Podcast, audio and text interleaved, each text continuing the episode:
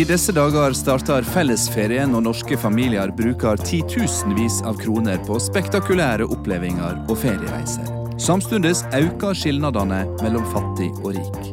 Ett av ti norske barn vokser opp i fattigdom. Velkommen til disse dager på NRK P2, eller kanskje jeg skal si disse feriedager. For fellesferien, de sommervekene da Norge stenger ned og stopper opp, er her.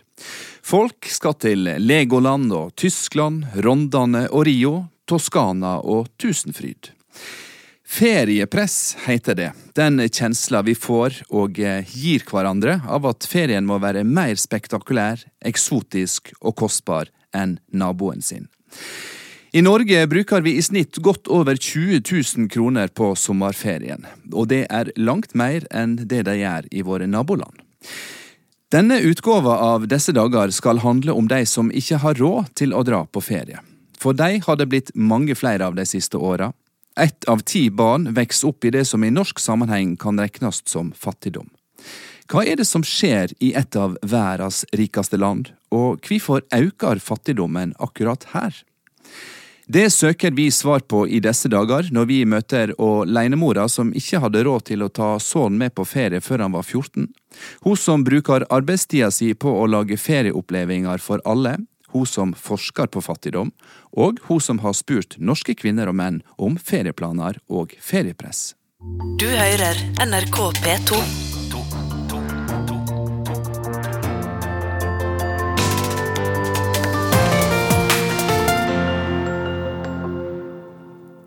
Hjertelig velkommen til Lena og Adrian, mor og sønn. Og på forhånd vil jeg si tusen takk for at dere kommer hit til oss for å snakke om det som for mange er et tabu, nemlig livet på fattigdomsgrensa. Hvordan er det livet, Lena? Jeg vil si at det er ganske hardt og tøft. Krevende, men det gir jo en mestring når du da klarer det. Hvordan klarer du det, da? Hva gjør du?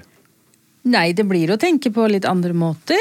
Eh, skal vi handle, så blir det å se på røde priser, gå på bruktbutikker, loppemarkeder og klare oss selv. Eh, se på Finn etter brukte solgte ting eventuelt, eller gis bort, og ja. Det blir litt Bortsett fra å kjøpe brukt, det er det jo mange som, som, gjør av helt andre grunner enn at de ikke har råd. Men bortsett fra å kjøpe brukt, hva utfordringer gir det deg i hverdagen å ha så lite penger at du i norsk sammenheng kan snakkes om som fattig? Det som er mest sårende for meg, er at jeg ikke kan gi min sønn det som er populært den dag i dag, akkurat nå. Før etter en veldig, veldig god stund etter at det har vært populært en stund. Det er jo press mellom ungdommene å ha de nyeste telefonene, de beste gaming-PC-ene og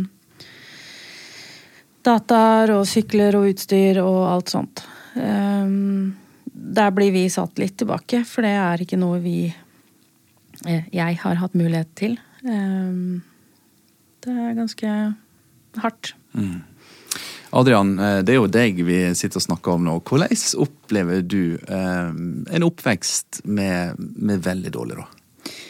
Nei, altså Det er som du har sagt, vi Jeg får ikke de nyeste tingene, men det gjør ingenting, for da har jeg lært meg å sette pris på det jeg får. Og hvis jeg gjør en jobb, så fortjener jeg ikke Eller så trenger jeg ikke få noe, men jeg er takknemlig for hvis jeg får noe. Det er noe jeg har lært meg etter å ha levd på fattigdomsgrensa. Men ja, jeg merker jo at som søkt at ikke jeg får de nyeste tingene hele tida. Men jeg bryr meg ikke så veldig godt. Jeg har lært meg å kose meg med det jeg har. Men du har akkurat fått uh, ny gaming-PC. Det vil si, ny var den ikke, men for deg er den ny. Mm. Hvordan gikk det til? Nei, det var jo sønnen til en vi kjenner, som hadde en PC som han ikke trengte noe mer. Han kom ikke til å bruke den, og han tenkte å kunne selge den. Men han valgte å selge den til meg for en veldig billig penge. For han visste at vi ikke hadde så veldig god råd, han visste at jeg alltid hadde lyst på en gaming-PC. Og da ville han hjelpe oss litt. Gi meg noe som jeg hadde veldig lyst på lenge. Det er jeg veldig takknemlig for. Lena, eh, dette programmet tar utgangspunkt i at det er ferietid. Eh, Nå er det mange som eh, står og hører på oss, og som pakker kofferter og bager og skal ut på flotte, dyre, lange flyreiser til herlige, eksotiske reisemål. Hva ferie har du og Adrian vært på? Um, jeg og Adrian har egentlig ikke hatt noe ferie sammen før i fjor. Eh, sånn, vi var på Bøkevangen faktisk med Ferie for alle og Røde Kors for fire år siden. Det var vår første ferie sammen. Eh, og ja, økonomien har ikke sagt at vi har hatt noe særlig råd til det. Eh, men i fjor så tenkte jeg shit au. Eh, og fikk en eh, herlig åtte dagers ferie i Danmark hos min venninne. Vi fikk lov å bo der eh, gratis. Eh, mat og drikke skulle vi få. Det eneste var turen og bensin. Og det Det var veldig rørende å kunne gi til min sønn. Ja. Det var din første eh, vi får si, ordentlige ferietur da, Adrian, til Danmark. Hvordan var det å ha åtte dager der i Nei, utlandet? det var jo noe uvant. Jeg har jo ikke vært vant til å være på ferie. Men det var jo litt koselig. Ja. Kunne være litt der og se oss litt rundt og kose oss. Ikke bare være i Norge. Hva har du brukt feriene på tidligere? Skoleferien er jo lang. Ja, men jeg har som regel vært hjemme. Vi har jo ikke hatt så mye å gjøre, så vi har vært hjemme eller på besøk hos bestemor eller noe sånne ting. Ikke så veldig store ting, men som kan være med på å gjøre andre folks bedre dag. Kan jeg spørre deg om hva som er ditt beste ferieminne? Det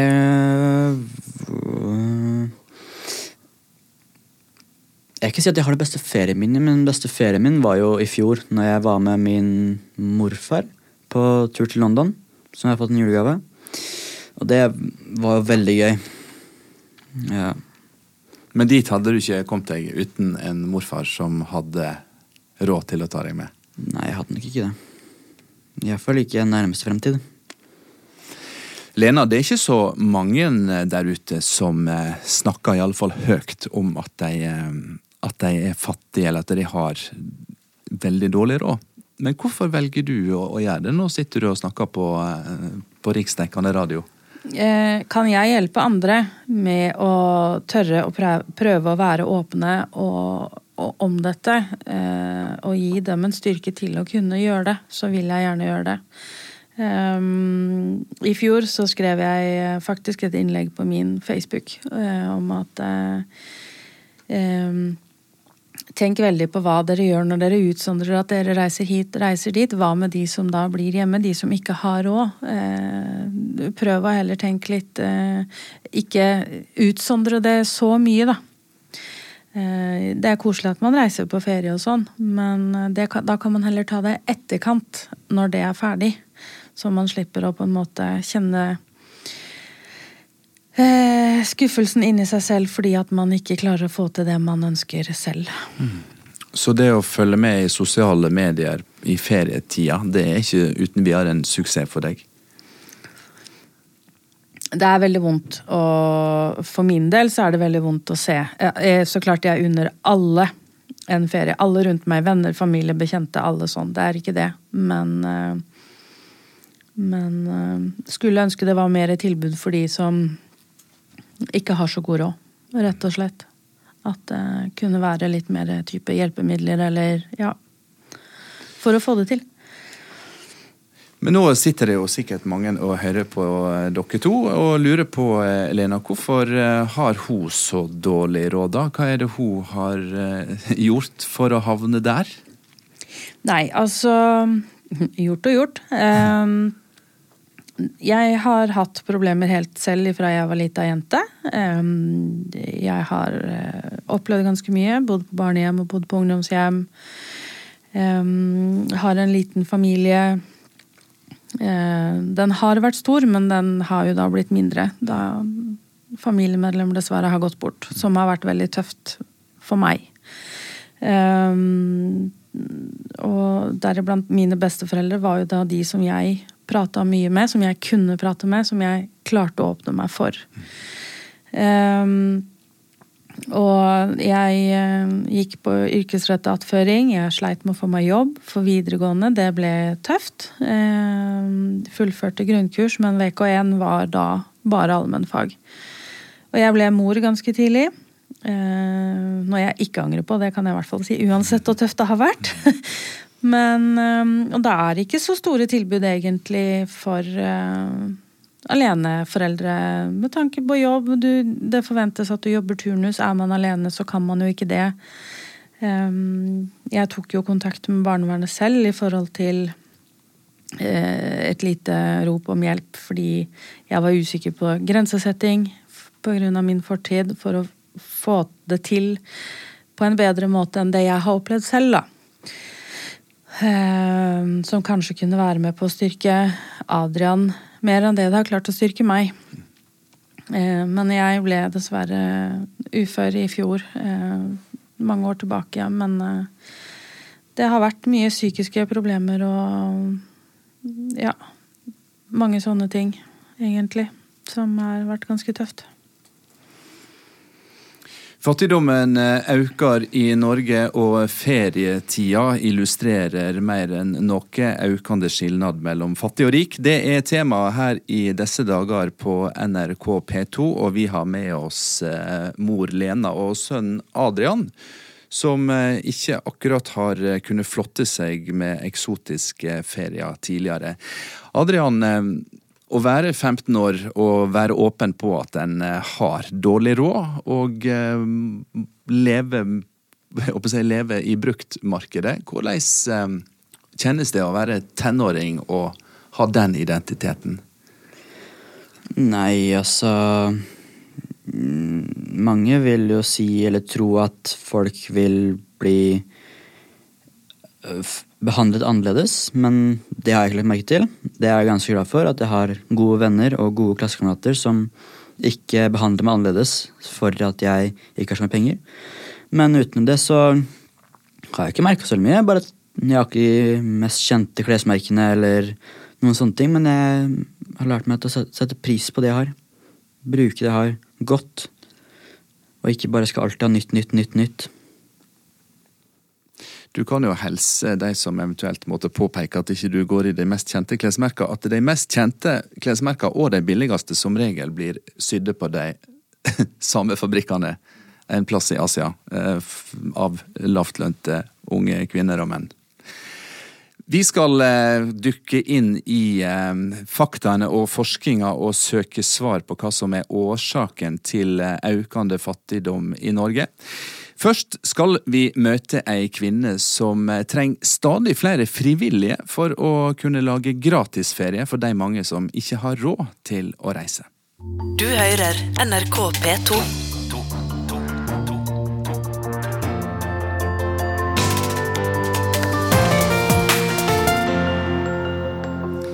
Ferie for alle heter et eh, tilbud fra Røde Kors, som gjør at familier med dårlig råd kan eh, likevel få ei fin ferieoppleving. Feriegjestene må sjøl søke om plass, og det er frivillige som sørger for at både voksne og barn kan kose seg sammen. Velkommen til deg, eh, Benedikte Høyland Rabben. Du jobber i Røde Kors med prosjektet Ferie for alle, og det er det stadig flere som gjør. Hvorfor øker dere staben deres? Vi øker staben vår fordi at vi har eh, økende søkertall. Og vi har penger til å sende folk på ferie, men eh, vi trenger de frivillige som holder dette i gang. Vi på kontoret fasiliterer alt det andre, men vi kan bare reise Vi kan bare være på én plass på ei tid. Så vi trenger da disse frivillige, de medmenneskene med god tålmodighet som vil gjøre, en, eh, vil gjøre noe godt for andre. De trenger vi til å være med oss på feriene. Og så er det ikke alle som har ei uke fri til å delta som eh, frivillig. Vi reiser jo da nå i sommer fem uker på rad, tolv turer der vi er vekke søndag til fredag. Så er vi jo på tur i alle skoleferier, for eh, fattigdom den tar ikke fri. Så vi er jo rundt og reiser både med juleopphold og nyttårsopphold og vinterferie, påskeferie og høstferie. Så nå eh, står vi på trappa til å sende 800 800 gjester med rundt 80-90 frivillige på tur nå disse neste fem ukene. Men du, hva skjer på en, eh, en typisk ferie for alle ferier?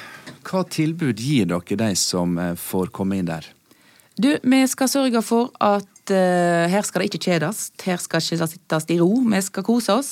Vi skal være på farten. Vi skal ha, vi skal ha aktiviteter som passer fra treåringer og opp til 18. Selvfølgelig kan det jo bommes litt i ny og ne, men det skal være vannaktiviteter med redningsvest. Man skal eh, Det er klatreparker, det er akvarie, det er masse badebasseng, for vi vet jo da at en familie med lav, lav inntekt på tur til, en, eh, til Tusenfryd eller en vannpark, sant? da går, går det raskt 1500 før du har kommet inn døra. Mm. Så hvis vi da kan gi de badebasseng og rusjebaner og forskjellig, så er vi og de kjempefornøyd. Så det er full rulle fra søndag til fredag.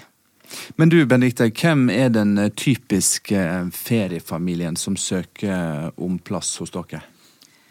Den gjengse familie er da sånn som Lena sier, som eh, enten som har fått en dårlig start på livet og kanskje ikke klart å hente seg inn, så det har kommet unger til verden og man ikke får da utvikle de talentene man har til å komme seg i arbeid. Eller da de som har opplevd eh, kanskje var, eh, hatt ok økonomi, og nå har ene partneren gått. Den har kanskje fått seg en ny partner, og der er det god økonomi, men hjemme hos hos mamma eller hos pappa, så står det dårlig til, og da er det ja, veldig skjev fordeling, da, hvis noen reiser på, til Syden ei uke, og så blir det kanskje en tur til Oscarsborg neste uke med pappa. Men vi har de òg, og vi tar imot uh, de som har behov for det. Og de søker jo da via Nav og barnevern, sånn at vi vet at det, det er godt begrunna. Noen har sett behovet deres. Ja. Ja, fordi de som skal få glede av å være på ferie for alle med Røde Kors, må altså søke, og de må eh, grunngi hvorfor de eh, trenger dette. Um, og jeg forstår at det er ikke alle søknadene som er særlig lystig-lesnad? Nei, eh, spesielt da disse siste søknadene som har kommet fra eh, flyktninger fra Syria som før de forlot landet, så resten av familien line opp og skutt rett foran fjeset på de, og så er da en grusom vei som vi bare kan grøsse på ryggen av å tenke på, med båtturer fra Ville Vesten og vel så da. De, og så har du da eh, vanlige norske familier der det ikke har hengt på grep i heimen, der noen har utført vold og alt mulig rart, som gjør at resten av familien nå er på kriseheim med hemmelig adresse, og da så kommer kommer med den delen av ja, av supportteamet, da. Så det er behov, og det er behov i, all, i både hos minoritetsbakgrunnsnordmenn og hos etniske nordmenn. For eh, fattigdom, den har ikke noe Den diskriminerer ikke på noe vis, dessverre. Mm. Eller heldigvis, egentlig. Mm. Ja. Og så eh, er det jo eh, slik at dette er jo ikke et avlastingstilbud for slitne mødre og fedre. For her er det meninga at hele familien skal være med og ha en aktiv ferie i lag. Hvorfor er det så viktig? Du, da er jo egentlig det, nesten det viktigste. Én ting er å komme seg ut av huset og, og være på tur med en 60 andre familiemedlemmer, men en annen ting er at man skal skape de gode ferieminnene som en familie som eh, eh, mor og far eller mor og far og sju unger. At man kan være i, Nå har man tid til å være med i lag. Trenger ikke å spille fotball eller være med på Haien kommer eller fiske krabbe, men å stå og heie og, og delta eller stå og klappe og være Ta noen bilder og ja, følge opp på en måte som man kanskje ikke har tid til hjemme. For man skal være på den jobben fram til klokka tre, og så hjem og etter middag, og så på neste jobb klokka sju. Ja. Så da er det veldig viktig at når de først er på disse feriene, så får de tid til å, til å være i lag og skape de minnene som vi andre gjorde når vi vokste opp. Lena og Adrian, dere har vært på Ferie for alle med Røde Kors for eh, noen få år tilbake. Eh, hvordan var det å, være der i lag? Var det, var det viktig for dere? Det var Først litt skummelt, for vi visste jo ikke hva vi ville gå til. For jeg hadde ikke hørt om Ferie for alle før eh, den ble nevnt. Eh, men eh, jeg vil si at det var faktisk et av de beste feriene mine. mine.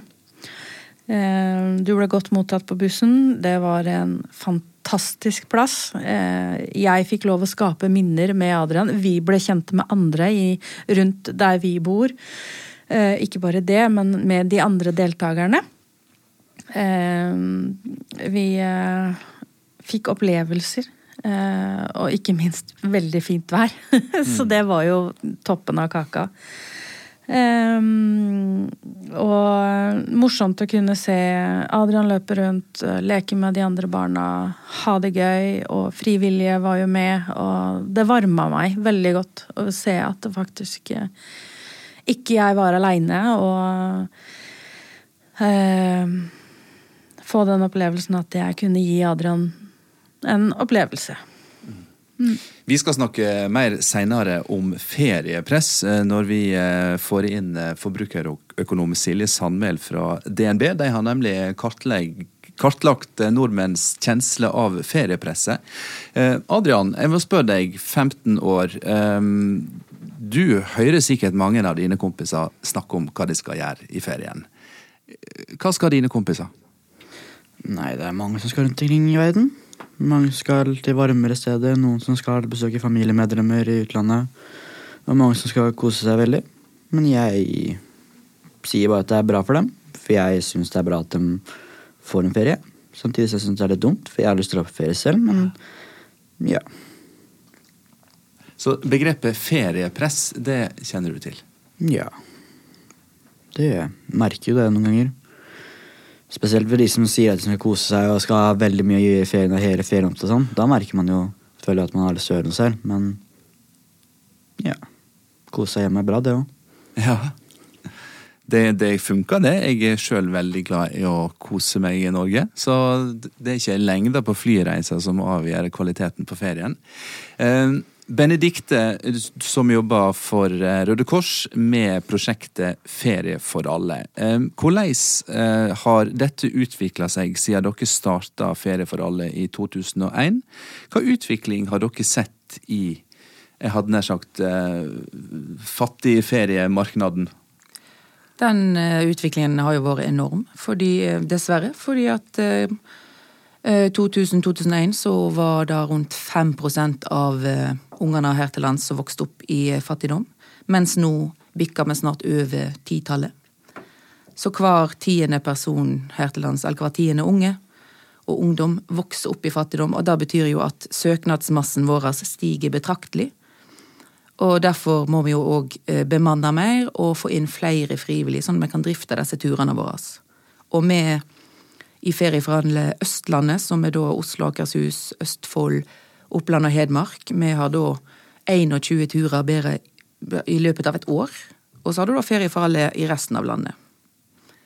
Men eh, vi merker jo da at eh, at de òg eh, Det er mer stigmatiserende å være på eh, Å ta imot et tilbud òg. At eh, når de, kanskje de har søkt, og så når dagen kommer og de skal reise, så mm. Får de kalde føtter for da fattigdomsstempelet, da, de, da går ikke av i vask, og de føler på at oi, ja, skal vi komme tilbake på skolen og fortelle om at vi har vært på organisert tur med Røde Kors? Så vi prøver å gjøre det så anonymt som mulig, så når vi er på tur, så står det ikke Røde Kors noen vei. Mm. Det er frivillige som er gjenspeiler det norske samfunnet. Det er rørleggere, og det er studenter, lærere og, og leger. Og klærne våre er også ganske neddussa, sånn at når vi er på på hotellet på Oscarsborg, så er vi akkurat sånn som de andre som, er på ferie der. Og samme i Sverige. Og, ja, sånn at vi skal lage det så eh, overkommelig som mulig. At ingen skal ha vært på tur med oss og kjent på det at oi, nå følte jeg meg dårlig behandla eller diskriminert. Mm. Så vi gjør så godt vi kan å, å, å nå de, de, som trenger dette. da. Mm. Og Ditt ansvar er bl.a. å rekruttere frivillige, og du trenger flere frivillige fordi behovet øker. Hva slags eh, folk er det du eh, vil ha?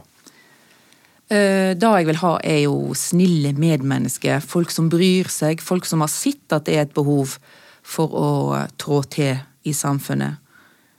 Vi har òg en del frivillige som, som har vært på andre sida som nå er kommet over kneiken og er klar til å være med som frivillig. Vi har blant annet en frivillig på rundt 30 som var med på turer når han var liten, og han husker det den dag i dag, hvor gøyt han hadde det, og hvor godt han og mora hadde av å komme seg ut og være på tur. Og nå har han sikkert vært på, frivillig, på tur som frivillig sikkert 20 turer. Så da har han gitt da, tilbake da 20 arbeidsveker, eller ferieveker, til oss. Så vi, vi trenger folk, medmennesker, snille, tålmodige, som, som liker folk. Du må like folk, for det er mye Det er da 60 reisende og rundt eh, åtte frivillige på tur. Ja. Og nå, ja. og nå har du fått en ny frivillig i Lena her, eh, som i år skal bidra til å gi andre ei fin eh, ferieoppleving. Hvorfor vil du det, Lena?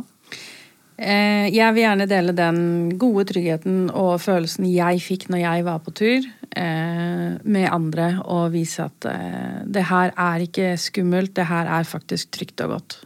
Kan jeg dele den med andre, så gjør jeg gjerne det. Det er det jeg ønsker. ønsker. Jeg vil si eh, tusen takk, eh, Adrian og Lena, for at dere kom til oss eh, og snakka om eh, livet med dårlig økonomi og eh, det behovet som alle har for ei god ferieoppleving. For eh, når Røde Kors må tilsette flere i ferieprosjektet sitt og rekruttere flere frivillige, så forteller det oss noe om ei utvikling i det landet som stadig blir kåra av FN til å være verdens beste land å bo i. Vi skal straks her i disse dager ha fram fakta om fattigdom i Norge.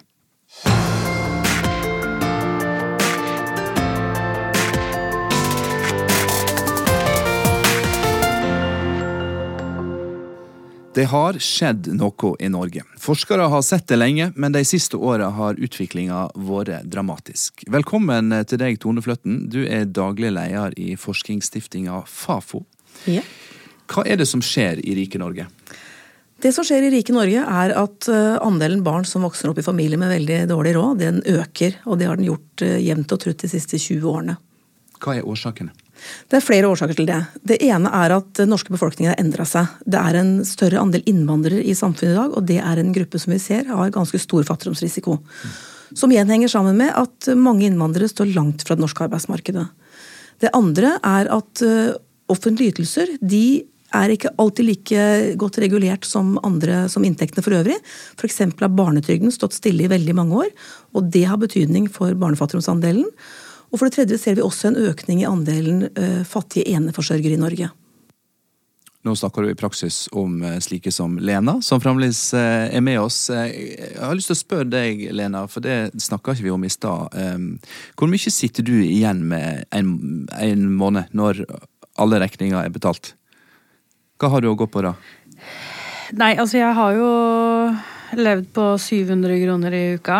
eh, Men det er jo eh, høye husleier. Det spørs jo også hvor i Norge man bor, og eh, Ja, altså det er Man blir hengende etter med regninger fordi at man må prioritere den regninga denne gangen, altså. Og sånn som nå, så er det jo at årsavgifta nå endelig er inne i, i eh, forsikringa hver måned. Det er jo en liten byrde som forsvant fra meg, i hvert fall. Å slippe å måtte spare opp til den.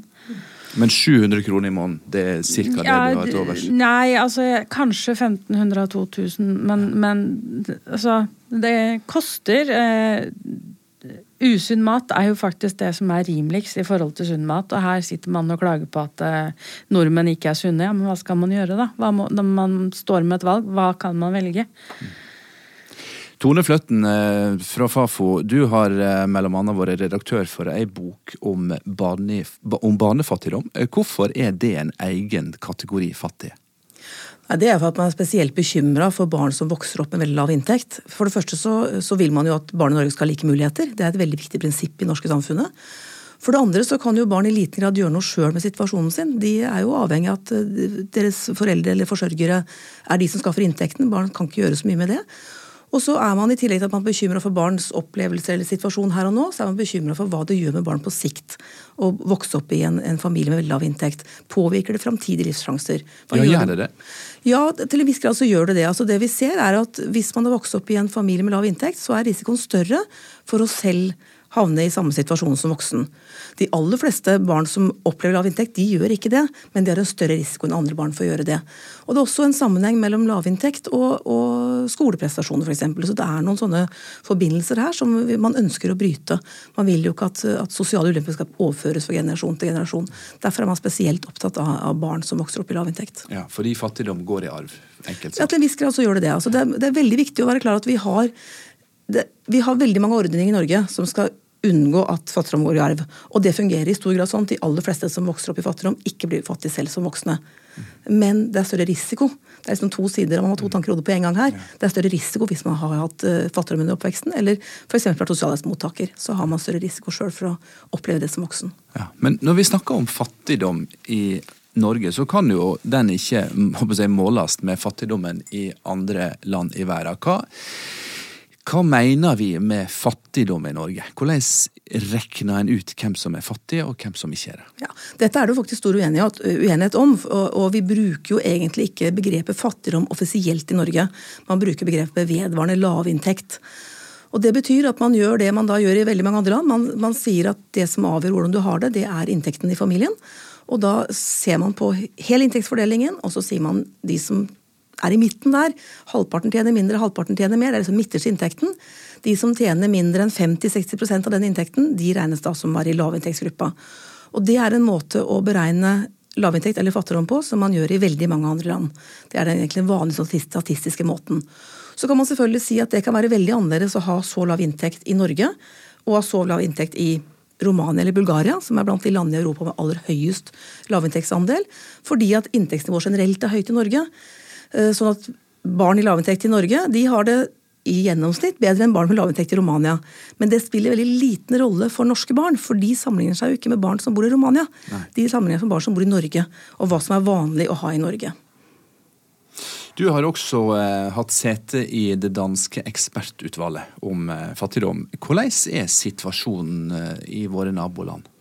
Nei, Norden er jo egentlig godt stilt sammenligna med de fleste andre land i Europa og for så vidt i verden generelt, med at vi har lave fattigdomsandeler. Uh, Norge og Danmark og Finland ligger, og Island ligger liksom helt på bunnen. Sverige har litt høyere lavinntektsandeler, eller fattigdomsandeler. Men vi gjør det bedre enn de fleste andre land. Og det henger jo sammen med den måten vi organiserer samfunnet vårt på, med veldig mange som er i jobb, og gode overføringer sammenlignet med andre land. Men altså ikke nok til at vi helt da unngår dette problemet. Når du sier at barnefattigdommen har eh, økt de siste 20 åra, og spesielt mye de siste ti, så er det uh, også fordi det er i de åra en har statistikk og forskning på dette.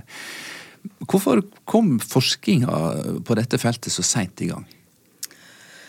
Det var generelt lite forskning på fattigdom i Norge inntil rundt årtusenskiftet. Og det hang nok delvis sammen med at vi hadde hatt en sterk utbygging av velferdsstaten og en sterk økning i sysselsettingen. Så det var en generell holdning i, i, Norge at vi hadde egentlig blitt kvitt problemene. Og det ble egentlig sagt fra politisk hold at nå er vi, nå er vi ferdig med fattigdom og sosial nød. Vi hadde så mye fine ordninger som gratis skole, gratis helsevesen, pensjoner, sosialhjelp, som, som skulle hjelpe folk til å ikke ha sosial nød så ble man allikevel klar over at det var noen grupper som ble hengende etter i velstandsutviklingen, og som ikke etter hvert kunne ha det samme som andre hadde. Og det var også en generell oppmerksomhet om dette fenomenet i resten av Europa. Og det var da tydelig også i, Norge etter hvert at det var en del grupper som ble hengende etter, og at det også var barnefamilier i de gruppene. Mm. Og dette er jo også nå, eh, i, også i valåret 2019, et eh, politisk eh, hett tema. Mm -hmm. eh, hva er løsningene for det norske samfunnet for å unngå økende fattigdom, og for å unngå at vi må kalle barn for fattige? Ja, det er svaret på det, så hadde jeg kunne blitt rik. Nei, det er, det, problemet er at det er ikke noen enkle løsninger. Eh, og det har vært politikere til valg på å si at vi skal fjerne barnefattigdommen. Det har vist at det er veldig vanskelig. Og det er fordi at det er jo foreldrene som da eh, bestemmer fattigdommen i en familie, for det er de som, som har inntekten. Og da må man gjøre noe med inntekten til familiene. Og det er i mange situasjoner ganske vanskelig, fordi at eh, noen familier kan ha veldig problemer med å Eller noen forsørgere kan ha veldig problemer med å kunne jobbe. Og da må man velge hva skal vi da gjøre med det. Skal vi ha stønader som er så høye at de kompenserer for alt det fratitt av en arbeidsinntekt skal gi. Og det er det uenighet om man vil gjøre, både fordi det er dyrt å gjøre det, og fordi at man er uenig om det kan gi noen negative effekter på arbeidstilbudet. Og da prøver man heller å si at da gjør vi andre ting. Da lapper vi på problemet. Vi har noen plaster på dette såret. Vi har forskjellige typer tiltak som skal gjøre det lettere å leve med fattigdom. Sånn at barna f.eks. ikke så lett kan få samme problemene som voksne selv. Så det er liksom en blanding av, av forebygging og lindrende tiltak, og så er det å finne den riktige balansen her. Og der er politikerne uenige om hvor, hvor mye man skal bruke av trygdesystemet. Hvor mye det er råd til å bruke, og hvor mye det er legitimt politisk å bruke for å få oppslutning i befolkningen, selvfølgelig. For her er, dette er ikke folk enige om, og heller ikke politikerne enige om hva som er de beste løsningene på dette. Du sa som ei forklaring på at fattigdommen øker, eh, øker innvandring. Ja. Eh, er det noe av årsaken til at dette ikke har helt soleklare, åpenbare løsninger? Fordi, eh, fordi det handler også om et innvandringspolitisk spørsmål? Det kan nok hende det, uten at jeg skal kunne påstå det med noen sikkerhet at det er viktig. Men, men jeg tror nok at mest, altså vi har hatt problemer med fattigdom i mange år. Og vi har hatt problemer med fattigdom også for familier som ikke har innvandringsbakgrunn. Eh, men det er nok mer at det er en veldig sterk oppslutning om arbeidslinje i norsk politikk, som er viktig for å få velferdsstaten til å fungere. Og så er man uenig om hvor harde virkemidlene skal være for å da sikre at arbeidslinja fungerer, og hvor mye man kan gi på, på trygdesida. Og jeg tror at, eh, at man ville hatt den diskusjonen uavhengig av om dette problemet var et innvandringsproblem eller ikke. Og det er ikke bare et innvandringsproblem i Norge i dag heller. Det er mange familier med norsk bakgrunn som lever i fattigdom i dag. Mm. Eh, Tone Fløtten fra Fafo, eh, det er jo ikke bare de som har aller, aller dårligst råd som må velge vekk ferien, for dette finnes det jo også tall på. Hvor mange som må avstå fra, fra ferie? Når SSB spør om det, så sier omtrent 5 av, av barnefamiliene at de må avstå fra ferie på grunn av, uh, fordi de ikke har råd til å reise. Mens det samme gjelder da 15% av de med lav inntekt. Så det er flere med lav inntekt, men det er også en del av de andre familiene som ikke gjør det. Og her, vil jo dette være noe, her er det ikke, sånn, det er ikke et klart skille akkurat denne magiske 60 av mediangrensen. Der er det jo glidende overganger. Og det kan være familier med inntekt et godt stykke over den grensen som sliter med å få eh, endene til å møtes. Og det kan være familier med inntekt under grensen som allikevel klarer å reise på ferie. Så her er det forskjellige situasjoner. Og det vil være avhengig av hvor lenge man har hatt lav inntekt. Det vil være avhengig av kanskje hva årsaken til lavinntekten er, og i hvilken grad man har andre ressurser. Så som Adrian fortalte, han hadde en, en morfar som kunne ta med på ferie. Noen vil ha den muligheten, andre har den ikke. Og det har betydning for hvordan fattigdommen utarter seg og oppleves for de som er i i fattigdom. Mm. Tone, du har jo eh, lang erfaring med å forske på eh, både fattigdom og hva skal jeg si, eh, skuggesida av velferdssamfunnet vårt. Og nå har du hørt Lena og Adrian fortelle om hvordan de har det i sine liv. Hva betydning har det for å få fokus på den økende fattigdommen i Norge at to modige mennesker snakker på radio om det? Nei, Jeg tror det er veldig viktig. Og jeg tror det er viktig at eh, det, for å ikke gjøre det så eh, skjult, så at det blir skambelagt å snakke om det. Dette er en situasjon som en god del mennesker opplever, og da er det viktig å få det opp på bordet og snakke om hvordan det oppleves. Og jeg tror det er viktig at vi får sånne typer beretninger om hva både mulighetene og begrensningene er i, i et liv med veldig dårlig økonomi. Og at det ikke er noe man ikke skal kunne snakke om, selv om det er de fleste i Norge har veldig god råd. Ja, Men det er et tabu et av våre få tabu, kanskje. Det å, å, være fattig, eller bli sett på som fattig? Ja, Nå snakkes jo mye om det i politikken. Jeg har gjort det i veldig økende grad de siste 20 årene som jeg har fulgt på dette her. Så har det vært stadig mer snakk om, om fattigdom. Men det er jo ikke sånn at folk syns det er noe spesielt sånn kult å stå fram og si at jeg er en av de som sliter veldig med økonomien. Så jeg tror det er fint for, for oss alle sammen å høre at dette er en situasjon folk lever i. Og folk har også litt liksom mistanke om er de egentlig fattige, har de det egentlig så ille som vi tror? Og da er det fint å høre at det er faktisk ganske knapt for en del familier i Norge. Tone Fløtten, daglig leder i Fafo, tusen takk skal du ha for at du kom til eh, disse dager. Og takk også til Benedikte Høyland Rabben fra Røde Kors. Jeg får eh, si god ferie til dere begge to. Takk for det.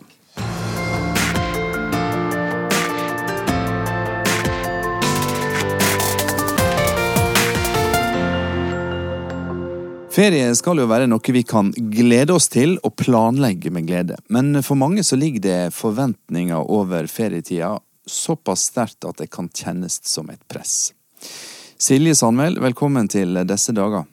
Du er forbrukerøkonom i DNB og kjent fra reality-programmet I lomma på Silje på TV3, mellom annet. Uttrykket feriepress er noe du er kjent med. Hva handler det om?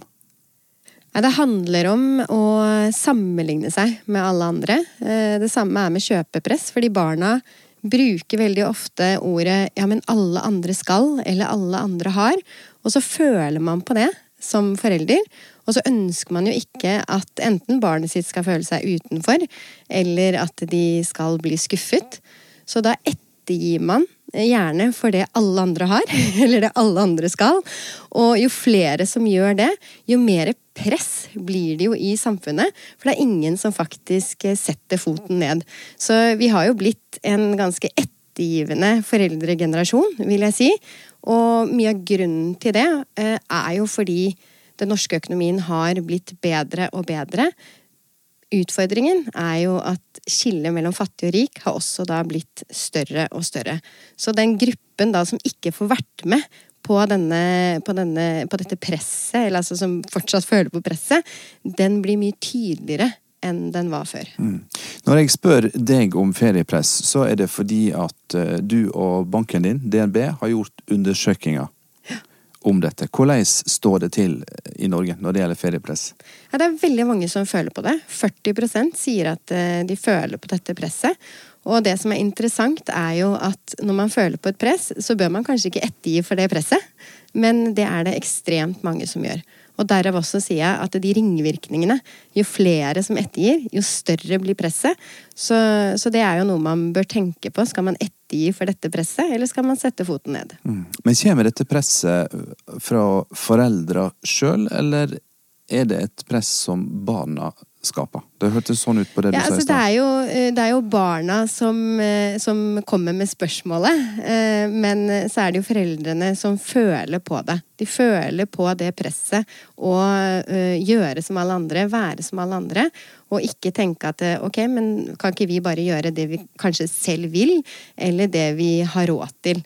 Så det er jo et press, mener jeg, som vi selv skaper.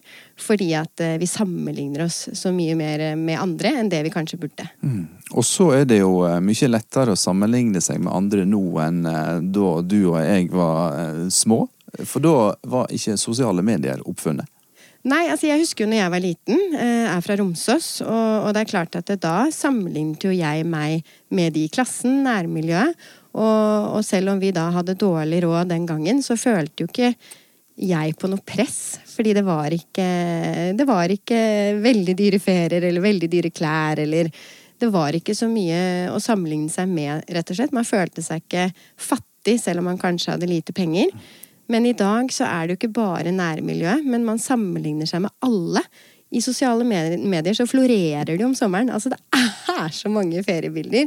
Eh, så man vet jo også hvor vennene sine er pga. sosiale medier. Altså du har jo Snap, som er veldig populært blant de unge. Mm. Der har man jo et kart hvor man faktisk også kan se, mm. hvis man har en åpen profil, hvor alle andre i klassen er. Så, så, det er klart at man føler jo mye mer på det i dag enn det man, det man gjorde før. Mm.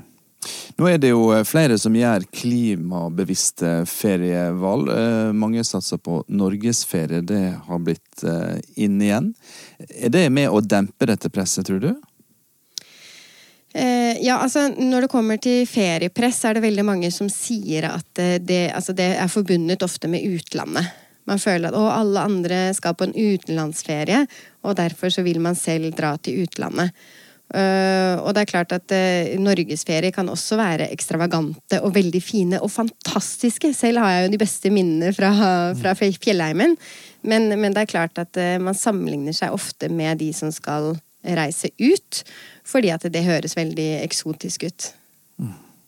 Men norgesferier kan jo også være svindyre. Eh, det er akkurat det, men, men, eh, poenget Altså, jeg tenker jo når, eh, når, man skal på ferie, uavhengig av hvor man skal, om det er utlandet eller om det er Norge, altså om man bare skal være hjemme i sitt eget hus, så tenker jeg at måten du som forelder presenterer den ferien, er ekstremt viktig. Fordi hvis man, eh, hvis man sier til barnet sitt at nei, uff, vi har ikke råd til å reise til utlandet, vi, som alle andre, mm. Eh, så blir jo barnet skuffet. Mm. Men hvis man sier vet du hva, istedenfor at vi skal dra til utlandet, så skal vi ut på eventyr. Mm. Og vi skal ta sykkelen og, og, sykle ut i marka, eller vi skal tenne bål, eller vi skal gjøre masse som er gøy. Så selvfølgelig trenger ikke det barnet å føle på at nei, vi gjør ikke som alle andre, men vi gjør noe som er spesielt. Og det trenger ikke å koste så mye penger. Så foreldrene har et enormt ansvar for å presentere ferien som den verdens beste ferie, uansett hvor det er.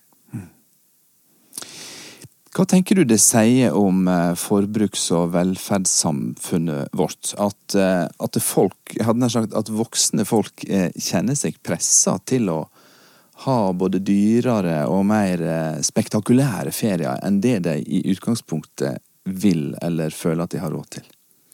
Jeg syns jo at det er veldig synd, men sånn er det jo. Ikke bare med ferier, men sånn er det med ting også. Man eh, ønsker kanskje å ha like fin bil, bil som naboen. Man pusser opp fordi naboen har pusset opp. Eh, man gir barnet sitt PlayStation fordi alle andre i klassen har PlayStation. Så vi ettergir jo veldig mye for det som folk har rundt seg. Og det er jo ikke nødvendig, mener jeg. Men det er vanskelig. Det er ikke lett. Altså, jeg vil jo si det at det å bo i et av verdens rikeste land er utrolig utfordrende. Særlig for de som ikke har penger. Fordi det blir så synlig. Den gruppen blir så synlig.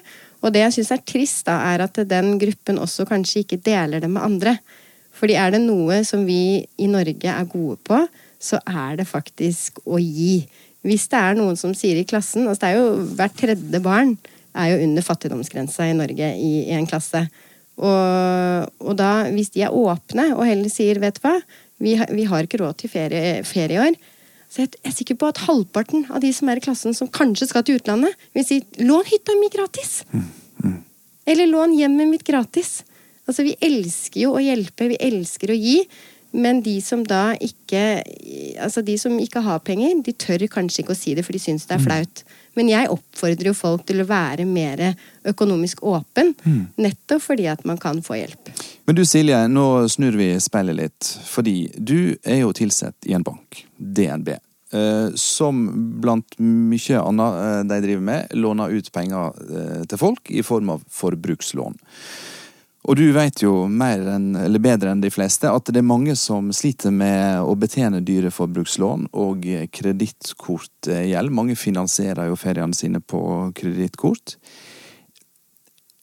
Er ikke bankene da på denne måten med på å finansiere både presset og eh, bygge opp under at folk skal ta seg råd til ting de ikke har råd til? Jeg vil jo si at det er mange aktører som, eh, som gjør akkurat det. Eh, og, og det er ikke bra i det hele tatt. Når du skal ta opp et, eh, et forbrukslån eller kredittkort, så er det i nødstilfeller. Du skal aldri låne penger til forbruk. Og, og ferie, som er rent forbruk, skal du aldri låne penger til. Har du ikke penger, eller altså, du har jo ikke spart penger til denne ferien, eller den vaskemaskinen, eller hva enn det måtte være, så, så, skal du ikke, så skal du heller ikke dra på ferie. Fordi at da, da har du dessverre ikke råd. Så det handler jo om at man eh, Når lån er så lett tilgjengelig, så er det klart at det er eh, fristende. Men her må vi tenke selv at eh, det, det er det ikke verdt. Fordi den ferien vil bli så ekstremt mye dyrere hvis man ikke betaler tilbake kredittkortet og lar det forbrukslånet løpe lenge.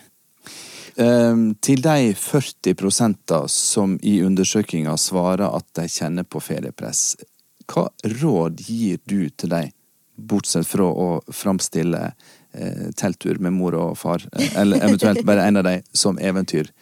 Hva er de beste rådene å gi?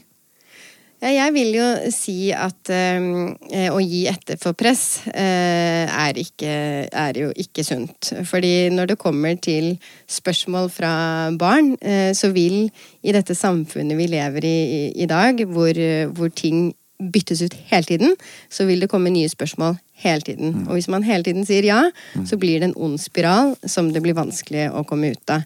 Og det er klart at man er nødt til å sette grenser når det kommer til penger, som alt annet. Og det er viktig for barna også å vite f.eks. hvor mye en ferie koster. De har ingen formening om hva ting koster. Så hvis vi skal dra dette veldig langt, så tenker jeg det, og uh, sier jo alltid det at privatøkonomi det er dessverre ikke så mye av i skolen, så det må du ta ansvaret for selv som forelder. Og fortelle hva ting koster. Fortelle at det koster av boliglån og strøm osv. Så, videre, og så, videre. så vil man også få en mer forståelse for at man kanskje ikke kan bruke 50 000 på en ferie, fordi at da får man ikke betalt boliglånet eller strømmen. Så det handler om bevisstheten rundt pengebruk å gjøre. Men igjen, en ferie det, det, trenger ikke å være utlandet, og det trenger ikke å koste penger for å ha de beste minnene. Minner, det kan være helt gratis. Silje Sandmæl, forbrukerøkonom i DNB, takk for eh, gode råd og nyttige påminninger.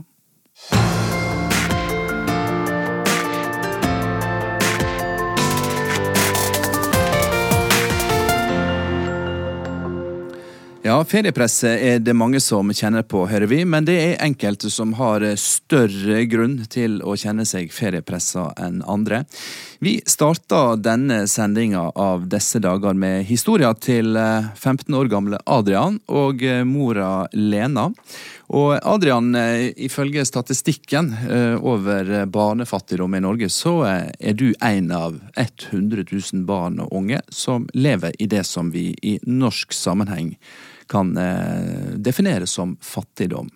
Og nå har du vært tøff og snakka om dette på radioen. Nå har du òg sjansen, Adrian, til å si noe til de 99 999 andre som sitter og er i samme situasjon som deg. Hva, hva vil du oppmode dem til som, som kjenner seg eh, kanskje, kanskje, litt eh, stigmatisert og skamfulle fordi de lever med dårlig råd? Man burde ikke føle seg skamfull. Dette kan være noe som man kan lære av. Kan være bra for fremtiden. Kanskje du kan lære å spare med penger. Sånn som de som lever i de som, familien som er, har litt mer penger, da, kanskje bruker opp mye raskere. Eller, da er det jo vanskeligere i fremtiden, for da lærer man seg ikke å spare penger før det blir for seint. Og da syns jeg at vi som har det, er de fattige, da, er, har det på en måte bedre, men samtidig kanskje ikke det beste. Men vi kan lære oss å spare penger. Det kan være veldig bra for fremtiden. Og så, ja Man burde ikke være skamfull over dette. Tidligere i sendinga hørte vi Tone Fløtten fra Fafo si at dersom en er vokst opp i, i, fattigdom, og igjen den norske definisjonen av fattigdom i Norge, så er det større sjanse for at en sjøl ender opp med uh, mye lavere inntekt enn gjennomsnittet. Hva tenker du om dette, Adrian? Du er 15 år, du skal snart uh, velge deg ei utdanning og planlegge et voksenliv. Hvordan ser du for deg at det blir? Nei, altså Det vil jo bli tøft. Jeg veit jo hvordan det er arbeid, for jeg har jo hatt meg jobb. Og jeg veit det blir tøft, men det kan også bli moro. Kommer an på hva du gjør. Lena, du fortalte i starten av sendinga at du har hatt en eh, skal vi si, en humpete barndom og oppvekst. Um, og du er mamma til en eh, gutt på 15 år, og eh, snart er han voksen. Hva tanker har du om Adrian sitt voksenliv når du hørte forskeren snakke om de statistiske sjansene for at han får det like trøblete som du har hatt det? Eh, altså, jeg følte at det stemte, for jeg voks, er jo vokst opp i eh, en dårlig periode selv. Men jeg støtter Adrian på eh, det han vil. Og kommer til å gjøre det jeg kan for å pushe han videre oppover. Eh, for at eh, han skal få det litt lettere enn det jeg har hatt det. Og så skal du altså for første gang være frivillig på ferie for alle, og gi andre den samme gode ferieopplevelsen som du og Adrian hadde for fire år siden. Hvordan eh, ser du fram til den veka? Jeg gleder meg som en liten unge på julekveld. Eh, jeg teller ned dagene, og det kribler i magen. Eh, jeg var på samling nå for å møte gruppa jeg skulle reise med, og jeg må si at de, de, som har satt sammen de gruppene, de har vært utrolig dyktige på å sette sammen gode grupper. Eh, jeg ble godt mottatt og følte at det nesten det var som en familie med en gang. Så dette her er noe jeg kommer til å spre utover til mine bekjente. Og så gjetter jeg på, Lena, at det ligger folk i ei hengekøye nå, eller eh, folk som eh, er på sykkeltur i skogen med en podkast på øret, og så tenker de dette skal jammen jeg òg bruke ferien min på. Er det noe du oppmoder andre til å melde seg på? Og bli Gjør det. Gjør det. Det er så givende, og det kan faktisk være med på å glede alle andre av de som er rundt deg. Det er mange som trenger det. Vær en, eh, en trygg person, og vær en støttespiller. Vis for andre at dette her er noe du kan gjøre, du òg. Fint. Det var ei klar og sterk oppmoding. Eh, Lena og Adrian, tusen takk igjen for at dere kom til eh, disse dager. Jeg ønsker dere begge to en superduper god ferie. Takk. Disse dager eh, takker for seg. Ansvarlige for denne utgåva var reporter Ola Solheim, som også var produsent i dag. De teknisk ansvarlige var Hellig Thorsdotter Svensson og Geir Døli Gjersjø. Jeg heter Håkon Haugsbø og eh, minner om at du kan sende oss en e-post hvis det er saker eller tema du ønsker at vi eh, belyser. Du sender en e-post til disse dager, krøllalfa, nrk.no. Jeg heter Håkon Haugsbø og takker for følget.